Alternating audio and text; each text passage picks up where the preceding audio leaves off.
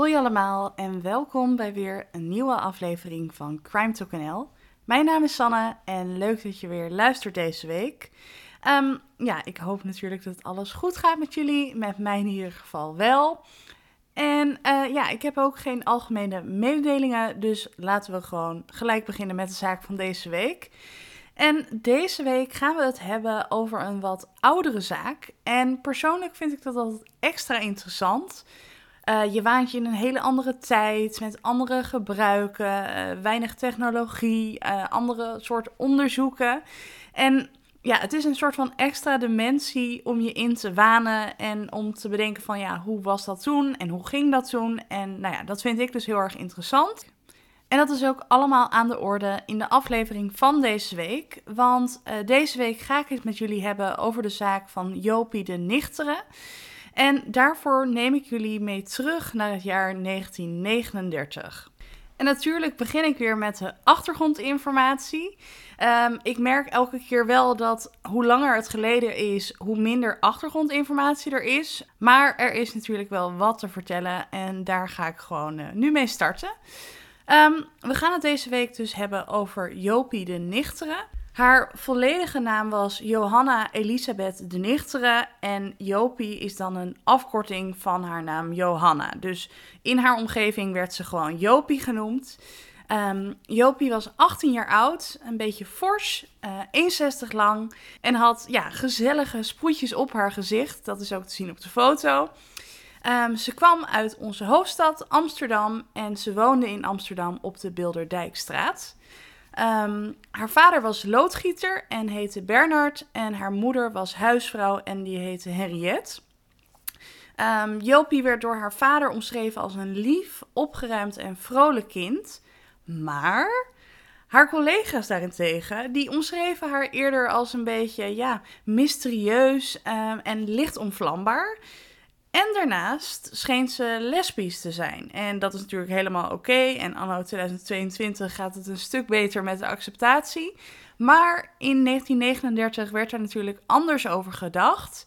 En haar collega's vertelden ook dat ze regelmatig flirte met andere vrouwelijke collega's. En dat die collega's dat niet altijd uh, ja, konden waarderen. Dus er waren eigenlijk een soort van twee kanten van Jopie. Um, ja, ik ken haar niet, dus ik kan er geen oordeel over geven. Maar haar familie omschreef haar dus als heel erg lief, vrolijk. En uh, haar collega's die hadden soms wat ja, issues met haar. Um, collega's benoem ik natuurlijk. Um, en als je collega's hebt, dan werk je ergens. En dat was bij Jopie ook zo het geval. Jopie die werkte als verkoopster bij de Bijenkorf, het warenhuis. Maar daar was ze in uh, de herfst van 1939 gestopt. Want ze was ziek. Um, ze had roodvonk. En ik moest zelf even googelen, want uh, de ziekte is mij niet heel erg bekend. Volgens mij komt het ook minder voor vandaag de dag. Althans, ik ken niemand die roodvonk heeft. Uh, maar volgens het RIVM is het een vlekjesziekte die wordt veroorzaakt door de streptokokbacterie. En de meeste mensen die het krijgen, dat zijn kinderen tussen de 3 en 6 jaar oud. Dus ik kan me ook voorstellen dat het er nog steeds is, maar dan vooral heel erg bij jonge kinderen. Um, nou ja, het is een bacterie en uh, je, wordt er echt ziek van. Dus koorts, braken, ja, gewoon grieperig eigenlijk. En je krijgt dus allemaal rode vlekken op je huid. En dat was dus ook zo bij Jopie. Ze was dus weliswaar geen jong kind meer. Uh, ze kreeg het wat later. Maar ze is er dus wel heel erg ziek van geworden. En daarom moest ze stoppen bij de bijenkorf. Maar gelukkig herstelde ze weer en was ze toe aan een nieuwe baan. En daarvoor stond ze ingeschreven bij een arbeidsbureau. En ik dacht zelf dat het een uitzendbureau was, maar het blijkt dus zo te zijn dat uh, het was een overheidsinstelling die werkelozen hielp aan een nieuwe baan. Dus ik denk dat het een beetje vergelijkbaar is met het UWV nu. Um, daar had ze zich dus aangemeld in de hoop om snel een nieuwe baan te vinden. Dus dat is natuurlijk hartstikke positief. Maar dat het uiteindelijk ja, alles veranderend zou zijn, dat had uh, natuurlijk niemand verwacht. Uh, want het is dan 18 november 1939 dus en het is ochtend en Jopie kreeg een kaartje in de brievenbus van het arbeidsbureau. Op dat briefje was een uitnodiging voor een gesprek bij een confectieatelier, uh, confectieatelier De Vries, aan de Singel 23 in Amsterdam. Nou, perfect natuurlijk. In Amsterdam, uh, confectie in de mode, op kantoor. Dat is eigenlijk ook wat Jopie graag wilde. Dus dat klonk helemaal leuk, klonk super. En als ze wilde, kon ze dus die dag om half vijf zich melden op de single 23 voor een sollicitatiegesprek. Nou ja, klonk goed. Jopie zag het zitten, dus ze besloot om die dag op gesprek te gaan. Voordat ze op gesprek ging, is ze samen nog met haar moeder en haar tante de stad in gegaan. Ik weet niet precies wat ze hebben gedaan, maar ze hebben daar in ieder geval de dag doorgebracht. Um, Jopie was ook helemaal voorbereid. Uh, ze had haar schooldiploma bij zich, typdiploma in haar tas, uh, zodat ze die natuurlijk kon laten zien op het gesprek. En ze was er ook helemaal op gekleed. Ze had een uh, nette outfit aan. ze droeg een lichtblauw mantelpakje met een bijpassende blauwe muts beige kousen en bruine schoenen. Dus je zou denken, er kan helemaal niets meer misgaan. Dit moet gewoon helemaal goed komen. En dat dachten Jopie, haar moeder en haar tante waarschijnlijk ook. En het is dan een uurtje of vier als ze afscheid neemt van haar moeder en tante op de hoek van de Kalverstraat en het Spui. Um, ze hadden afgesproken dat ze om zes uur elkaar weer zouden zien bij de bioscoop aan de Damrak. En nou ja, Jopie zei van nou, het zal niet zo lang duren allemaal. Uh, ze wensen elkaar succes. En Jopie zegt nou, tot strakjes. En ze gaan daarna alle drie hun eigen weg. Nou ja, het is zes uur. En de moeder van Jopie die staat zoals afgesproken te wachten bij de bioscoop. Maar Jopie komt maar niet opdagen. En het duurt maar en het duurt maar. En Jopie komt maar niet. Dus op een gegeven moment denkt haar moeder: Weet je wat, ik ga gewoon naar dat confectieatelier. Misschien duurt het wat langer of is er iets aan de hand. Dan weet ik in ieder geval of ze daar is. Dus haar moeder gaat erheen, komt er bij de deur aan en ze ziet eigenlijk iets geks. Want ze ziet dat op die single 23 helemaal geen confectieatelier de Vries zit, maar een behangzaak. Die behangzaak was ook nog eens dicht. Dus haar moeder had er een beetje een vreemd gevoel bij. En die had zoiets van: ah, dit klopt niet echt. Maar tegelijkertijd, we leven dus nu even op dit moment in 1939. En dit is dus een van de dingen die ik hier interessant aan vind. Het is niet zo dat haar moeder haar even op haar telefoon kon bellen of even een appje kon sturen van: hey, waar ben je? Uh, gaat alles wel goed? Nee, eh, je had niet zo heel veel mogelijkheden, behalve dus naar de plek gaan waar de andere persoon is heen gegaan. En ja, dan houdt het een beetje op. Dus op een gegeven moment heeft haar moeder daar een tijdje gewacht, eh, om zich heen gekeken, maar Jopie was daar echt niet. Dus uiteindelijk besluit ze om toch maar naar huis te gaan, in de hoop dat Jopie misschien ondertussen al gewoon wel zelf naar huis gegaan is. Nou, haar moeder gaat naar huis. Natuurlijk is ze al best wel ongerust. Maar als ze thuis is, is Jopie daar ook niet. Um, als ze gaan eten, is Joopje er niet. En nou ja, ze hebben even gewacht. Maar als het half acht is, heeft haar vader ook zoiets van: Dit kan niet langer. Dit is niets voor Jopie. Die zal het altijd laten weten als er iets tussen komt. Of nou ja, het is gewoon niks voor haar om zomaar niet terug te komen. Dus hij besluit dat het genoeg is geweest en dat hij niet langer wil wachten. En hij besluit om naar de politie te gaan voor de vermissing van Jopie. Nou ja, Amsterdam is natuurlijk groot. Er zijn meerdere politiebureaus. En de vader van Jopie ging het eerste naar bureau Raamport met zijn verhaal. En hij vertelde daar dat het sowieso niets was voor Jopie om zomaar niet thuis te komen of uh, ineens ergens anders heen te gaan. Dat zou ze altijd van tevoren laten weten. Dus dat hij daarover een slecht gevoel had. Maar ook dat het een beetje een vreemd verhaal was, omdat er dus helemaal geen confectieatelier op de single zat, maar een behangzaak. Nou, de politie die hoorde het verhaal van de vader van Jopie aan. Maar die zeiden, ja, u kunt beter naar het bureau op de Overtoom gaan om daar een melding te maken van de vermissing. Nou ja, goed, uh, de vader van Jopie ging toen maar naar het bureau op de Overtoom. Maar eenmaal daar gekomen vertelde ze weer aan de vader van Jopie dat hij toch bij het bureau Raamport moest zijn. Dus Jopie, haar vader, weer terug naar bureau Raamport. Opnieuw dat verteld. En uh, eigenlijk kwamen ze tot de conclusie dat het toch meer een zaak was voor de kinderpolitie. Klein detail, uh, de kinderpolitie die was pas weer open op maandag op 20 november. Dus dat was pas over twee dagen. Nou ja, ik kan me bijna niet voorstellen dat dit gebeurt. Dat je kan denken van, hè, joh, dat komt wel. Eh, we wachten wel even een paar dagen. Maar uiteindelijk is dat wel wat er gebeurt en wat er dus misschien vaker gebeurde in 1939. Uh, ze moesten dus twee dagen wachten om naar de kinderpolitie te gaan. Nou ja, op maandag was dan de kinderpolitie eindelijk weer open. Ze zijn erheen geweest. Maar ook daar waren ze niet zo snel. Dus uiteindelijk namen ze het een beetje serieus op dinsdag. Dus toen waren ze al drie dagen verder. En eenmaal aan de slag met de zaak kwam eigenlijk het slechte nieuws. Want ook de politie moest concluderen dat het er niet goed uitzag. Omdat het vermoeden van de ouders van Jopie bevestigd werd. Er zat echt geen confectieatelier op de single 23. Dus er was iemand die een vals adres en een vals bedrijf had opgegeven. De politie ging er toen wel mee aan de slag en ze gingen op onderzoek uit en ze konden twee getuigen achterhalen. Namelijk twee meisjes die ook waren uitgenodigd voor een sollicitatiegesprek bij het confectieatelier op de Single 23. Nou, een van de twee meisjes die had gelijk gezien dat het adres niet klopte met het bedrijf. En die is gelijk doorgefietst. Dus die ja, had gelijk door dat er iets niet klopte. Ehm, het andere meisje die was wel gestopt en uh, had aangebeld.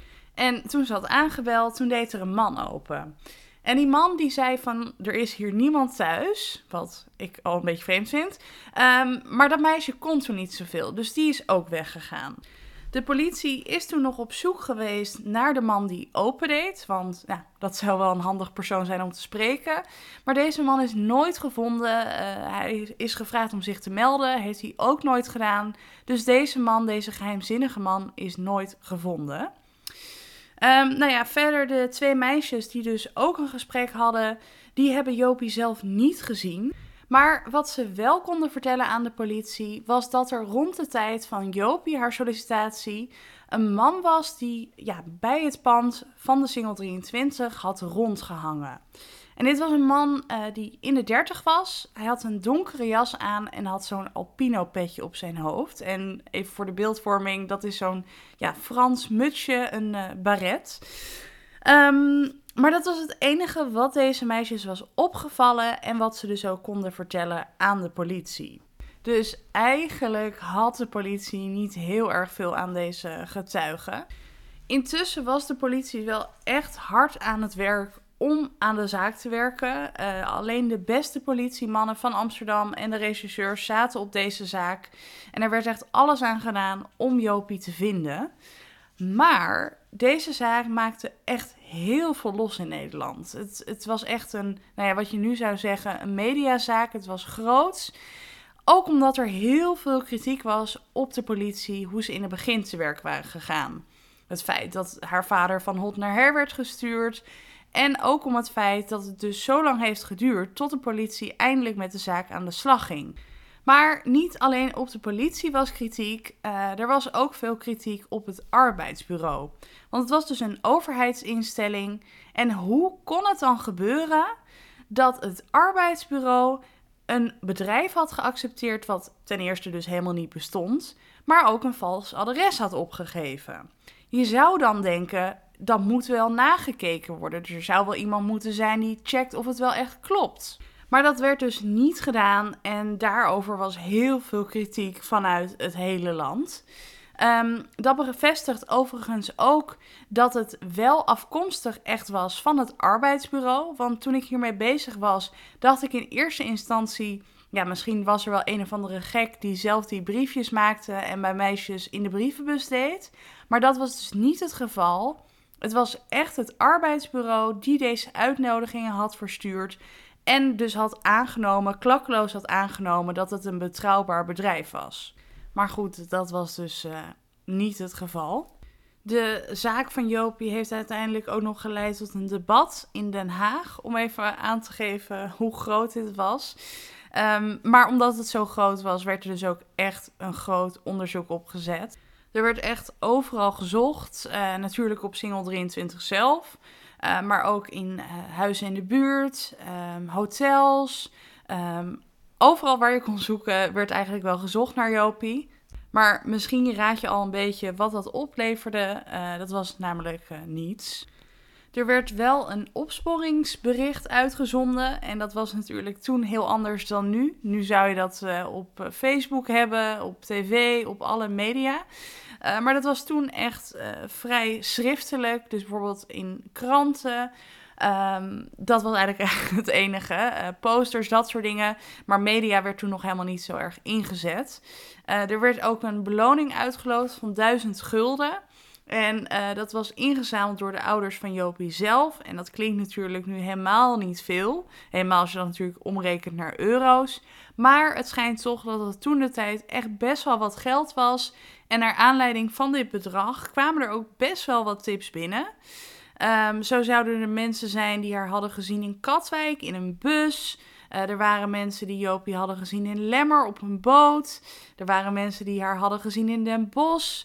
Uh, mensen in Antwerpen, uh, in verschillende treinen. Er kwamen dus heel veel meldingen binnen van mensen die dachten Jopie te hebben gezien. ja, of het er haar dan echt is geweest, dat weten we niet. maar deze tips werden dus wel zoveel mogelijk nagetrokken. Uh, er was ook een tipgever die vertelde dat uh, hij of zij een auto had zien rijden met erin vier mannen en een jong meisje van rond de 18 jaar. En dat meisje zou hebben geschreeuwd: Moeder, moeder. Dit was op 19 november, dus een dag na haar verdwijning. Ja, zou dat Jopie kunnen zijn? Het zou kunnen, maar ja, dat kan je natuurlijk niet achteraf bewijzen. Um, er kwamen ook nog andere verhalen binnen van uh, meisjes bij de politie die ook aangesproken waren door mannen. Een meisje die was bijvoorbeeld um, aangesproken door een man en die zei dat hij een superster van haar kon maken en dat hij haar een acteeropleiding zou geven. Uh, er was ook een ander meisje en haar werd gevraagd op straat of ze uh, werk zocht, want hij had wel een baan voor haar. En zij vertrouwden dit ook niet en zij hebben daarover melding gemaakt bij de politie. Ja, misschien waren het afzonderlijke gevallen, maar het valt natuurlijk wel op dat er dus meerdere meisjes waren die op een rare manier benaderd werden door mannen. En dat brengt me eigenlijk meteen tot het volgende. Want uh, de zaak leefde dus heel erg in het land. Er waren heel veel mensen die meeleefden met de familie. Maar ook heel veel vrouwen die daardoor best wel bang waren geworden. Um, en dat zou dan natuurlijk een beetje aansluiten bij wat ik net vertelde door die meisjes die werden aangesproken. Het zou natuurlijk ook oprecht kunnen dat deze meisjes werden aangesproken omdat iemand oprecht hun wilde helpen of uh, dachten dat ze een ster van dat meisje konden maken. Maar mannen die werden gewantrouwd. Uh, veel vrouwen waren daardoor echt op hun hoede als er een man al iets te lang keek of op een bepaalde manier keek naar een vrouw of een jonge vrouw, dan werd dat hun meteen kwalijk genomen. Dus de zaak van Jopie bracht heel veel teweeg in de Nederlandse gemeenschap. En veel vrouwen werden dus echt wel best wel bang door de zaak van Jopie. Wat dan weer iets positiever was in dit verhaal, want er is vrij weinig positiviteit. Maar um, de zaak van Jopie bracht een soort van mini-media-revolutie teweeg. Want er waren eigenlijk steeds meer mensen die zeiden van... Goh, hè, uh, we moeten veel mensen hierover bereiken. Jopie moet gevonden worden. Wat kunnen we inzetten om het bereik te vergroten? Dus er waren veel mensen die zeiden van... hey, we hebben de radio. Is dat niet een manier waarop we ja, een signalement kunnen afgeven? En uiteindelijk werd dat dus ook gedaan. En het was eigenlijk de eerste keer dat de radio werd ingezet voor een ja, maatschappelijke zaak, zeg maar. En ook nu kwamen er wel weer veel tips binnen, maar helaas was het niet bruikbaar. Maar om even aan te geven dat de zaak leefde zo erg dat zelfs de radio nu werd ingezet om Jopie te vinden. Um, de ouders van Jopie hebben ook nog allerlei privédetectives ingezet, daar heel veel geld aan uitgegeven, maar ook deze leidden niet tot een spoor van Jopie.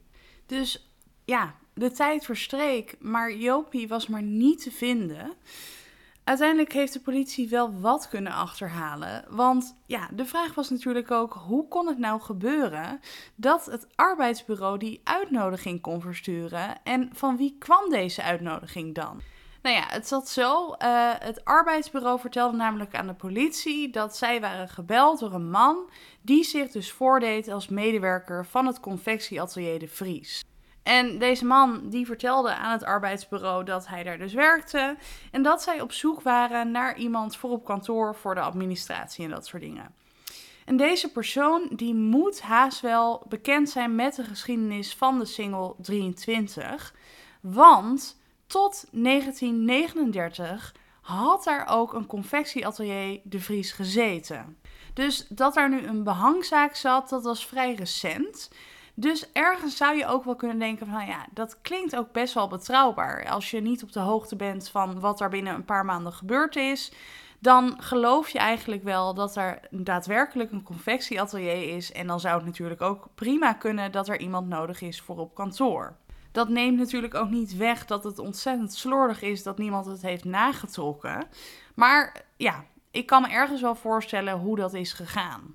Maar goed, eh, nog steeds natuurlijk de vraag: van wie kwam dat telefoontje dan en vanaf waar is er dan gebeld? Nou, daar heeft de politie ook onderzoek naar gedaan en uiteindelijk konden ze het telefoontje achterhalen. Het nummer waarmee gebeld was, was namelijk het telefoonnummer van een Belgische ingenieur die in Amsterdam woonde bij een Belgische pensioenhouder aan de Keizersgracht, wat niet heel ver weg is van de Singel 23. Nou ja, de politie is daar natuurlijk meteen heen gegaan, want die persoon moesten ze spreken. En heel erg lang zei de Belgische pensioenhouder dat hij niets van dat telefoontje afwist, dat hij nergens wat van afwist. Maar jaren later, na heel veel ontkennen, bekende hij uiteindelijk toch dat hij op de vrijdag voor de verdwijning van Jopie twee onbekende mannen had ontvangen. En deze mannen die hadden gevraagd of ze even gebruik konden maken van een telefoon. En ja, dat kon wel volgens de pensioenhouder. En vervolgens heeft hij deze twee mannen de sleutel gegeven van de kamer van de Belgische ingenieur en konden ze bellen met zijn telefoon. Ik vind het persoonlijk een vreemd verhaal, want ja, stel je voor, jij zit ergens in een pension en de pensioenhouder geeft dan twee wildvreemde mannen de sleutel van jouw kamer om hun gebruik te laten maken van jouw telefoon.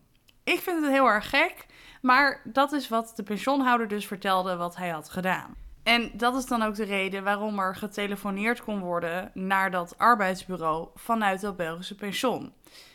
Ja, de politie vond dit ook een vreemd verhaal. En ze hebben uiteindelijk een lange tijd de Belgische man en de pensioenhouder uh, geschaduwd, onderzocht.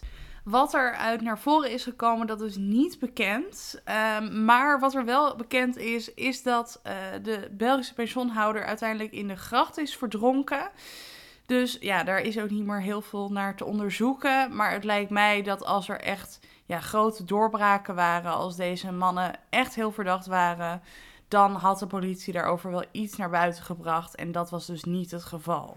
Dus wederom stond de politie voor een raadsel, want het leek wel alsof er helemaal niemand was die iets met de verdwijning te maken had, die er iets over wist.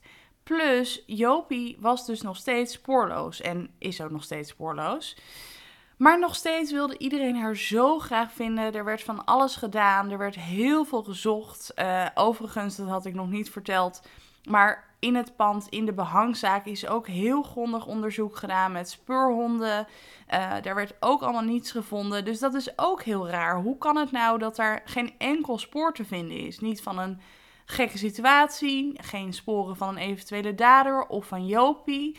Dus het lijkt wel alsof Jopie een soort van rook is opgegaan. Uh, ja, en in Nederland hield het een beetje op met de onderzoeksmogelijkheden. Dus uiteindelijk is er ook nog onderzoek gedaan in het buitenland, uh, in België, Duitsland, Frankrijk, Engeland zelfs. Daar werden ook allemaal flyers opgehangen in de hoop dat er misschien iemand was die Jopie daar had gezien. Of mensen die in het buitenland wonen en er iets van afwisten. Dus echt waar, overal ter wereld werd ondertussen eigenlijk al gezocht naar Jopie. Maar er was dus niemand die kwam met de gouden tip. Um, ja, in de loop van de jaren zijn er, ondanks de oorlog, want inmiddels was er natuurlijk ook al oorlog in Nederland, meerdere mannen onderzocht door de politie. Um, maar helaas, geen van hen kon het uiteindelijk gedaan hebben of waren in ieder geval niet betrokken geweest bij de vermissing. Dus ja, er zijn veel mannen onderzocht, geschaduwd, weet ik veel wat allemaal. Maar ja, er kon niets bewezen worden, zeg maar. Ehm, in 1940 kwam er nog wel een hele concrete tip.